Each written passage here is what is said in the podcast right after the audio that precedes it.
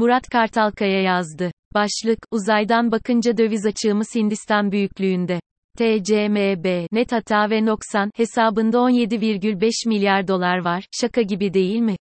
Aktif büyüklüğü 147 milyar dolar olan MB'nin kasasında nereden geldiği belli olmayan 17,5 milyar dolar. Büyüklüğün 8'de biri. Çok basite indirgeyelim. Bir marketiniz var, akşam kasanıza bakıyorsunuz 80 lira var, sattığınız ürünlere bakıyorsunuz 70 lira. 10 liradan rahatsız olmaz mısınız? Bugün 10 lira fazla veren yarın 20 lira açık vermez mi? Bankacılıkta kasa açığı veya fazlası acayip dikkat çekici, rahatsızlık verici bir olaydır. O açık veya fazla bulunana kadar tüm personelin canı çıkar mesela. Cari açık, buna rağmen ilk 6 aylık cari açık 32,5 milyar dolar. Portföy yatırımlarda 6 ayda 6 milyar dolar çıkış var. Bu açıklar, yukarılardan gelen ilahi bir güçle, kapanıyor. Bir de yabancıların gayrimenkul alışları devam ediyor Allah'tan. Moody's kredi notumuzu düşürdü. B olan notumuz artık B3.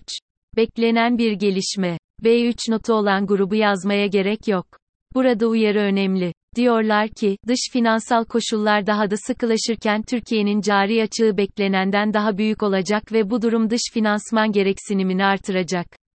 Bu gidişte bile yıl sonu cari açığımızın 70 milyar dolar seviyelerini bulması son derece mantıklı. Dış ticaret açığı 61 milyar dolara ulaşmış bile. MBS ve Paris rezervi 58 milyar dolar. Hazinenin toplam borç stokunun neredeyse tamamı döviz, dövize veya enflasyona destekli. Sağ olsun iktidar son yıllarda iç borcu da dövize endeksli hale getirmeyi başardı. 60 milyar dolarda KKM var, ülkenin toplam dış borcu 450 milyar dolar. 110 milyar dolar civarında, bir yılda yapılacak dış borç ödemesi var, bunun 10 milyar doları hazinenin. Bu borcu ödememiz imkansız ve büyük olasılıkla çevrilecek. Çevrilecek de dolar bazımda yıllık %12 üstü bir oran ile. Dış borç ve cari açık ile 200 milyar dolara gereksinimiz var bir yıl için. Yıllıkta %12 ile borçlansak artı 24 milyar dolar daha borcumuz arttı demek. 5 Ağustos TCMB verilerine göre brüt rezerv 2 haftada 10 milyar dolar arttı. Son 3 haftadır vatandaş DTH'larında bir hareket gözlenmezken kurumsal DTH'da son 5 haftada 8,5 milyar dolarlık artış var. İktidarın dövizinizi bozun, ikazını ya dinlemiyorlar ya da yurt dışındaki dövizinizi getirin talimatına uyuyorlar. ABD enflasyonu. ABD, Temmuz enflasyonunu aylıkta %0 gelince yıllık %8,5 seviyesine geriledi. Yazılarımı takip edeneler 18 Temmuz'daki yazımda %8,5 veya 6 beklediğimi hatırlarlar.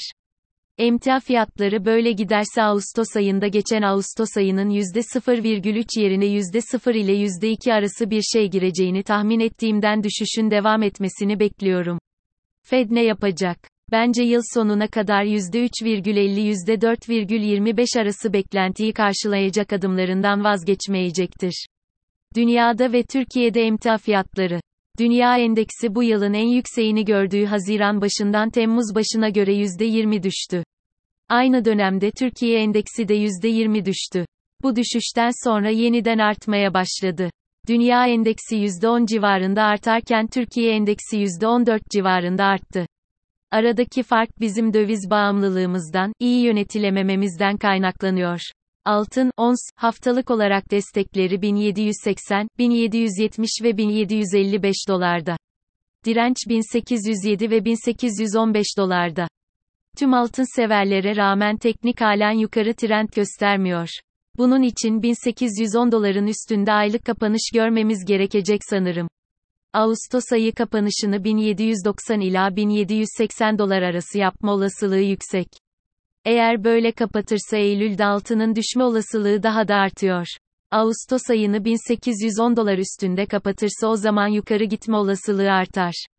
Dolar endeksi, birkaç haftadır endeksi yazmıyorum çünkü iki hafta önce endeksin gevşeyeceğini hatta 104 puan seviyesine inebileceğini ama, bunun için ABD Temmuz enflasyonunun açıklanmasını bekleyeceğimi yazmıştım. Artık 104 puanı hatta biraz daha altını görebileceğimizi düşünüyorum. 107 puan direnç haline geliyor. ABD 10 YR tahvil, %2,60 destek. Daha altı şimdilik zor. Tahmininde bulunmuştuk. Geçen hafta %2,52'yi görmesine rağmen sert tepki verip %2,90 civarından kapadı. Ben gevşemenin 1,5-2 ayda %2,45 hatta %2,35 seviyelerine kadar devam edebileceğini tahmin ediyorum. %3,04 direnç. Dolar, Türk Lirası, direnç 18.06 ve tarihi zirvesi 18.37. Destek 17.50. Buranın altına gelir ve kalırsa pembe bir gündem var demektir. 16.40 seviyelerine kadar gevşeyebilir ama buralarda tutunamayıp yukarı döner. 18. 37 kırılırsa ne kadar dramatik olacağını yaşayıp göreceğiz. Kırılırsa ilk hedefi 20.40 diyor teknik. Tahmininde bulunmuştuk geçen hafta, aynen devam. Eylül sonuna kadar doları buralarda tutmak için ellerinden geleni fazlasıyla yapacaklarını düşünüyorum. Sonrasında ne yaparlarsa yapsınlar boş gibi. Dolar endeksi düşerken Türkiye CDS puanı gevşerken doların TL karşısında değer kaybetmemesi yaşayacağımız kötü günlerin habercisi sanki. Avro, dolar, geçen hafta 1,0340 direnç demiştik. 1.0368 görüp kapanışı 1.0258'den yaptı. Bu hafta direnç 1.0325 destek 1.0210 civarında. 1008 ve 0.9950 aylık destek. 1.0415 üzerinde 2 hafta kalmadan euro güçleniyor demek zor. BITCOIN, geçen hafta, 21,500 ila 24,500 dolar bandında sıkıştı. İki daha hafta burada sıkışabilir ama sonrasında bir karar vermek zorunda kalacak. Ya 29 bin dolar üstü ya 19.800 dolar altı. Demiştik. Tahminimizi koruyoruz. Ya bu hafta ya en geç gelecek hafta bir karar vermek zorunda. Bana sanki tercihini aşağı yapma olasılığı daha güçlü gibi geldi. Biz, geçen hafta, hedefi 3000 puan artık. Tahmininde bulunmuştuk. 2896 seviyesini gördü ve kapanışı yükseğe yakın yerden yaptı. Bu haftada yukarı devam etme olasılığı yüksek demek bu. 2520 desteği ise çok ama çok kuvvetli ve önemli. Geçen haftada hacimde artış var, 5 Ağustos haftası olduğu gibi. 5 Ağustos haftası 90 milyon dolarlık yabancı alışı vardı. Sanırım geçen haftada devam etti. 5 Ağustos haftasını alarak bitirmişlerdi. 12 Ağustos haftasını satarak bitirmişler. Bu kar realizasyonu muydu? Haftaya göreceğiz. Endeks hazır dolar bazında 1.60 seviyesine de çıkmışken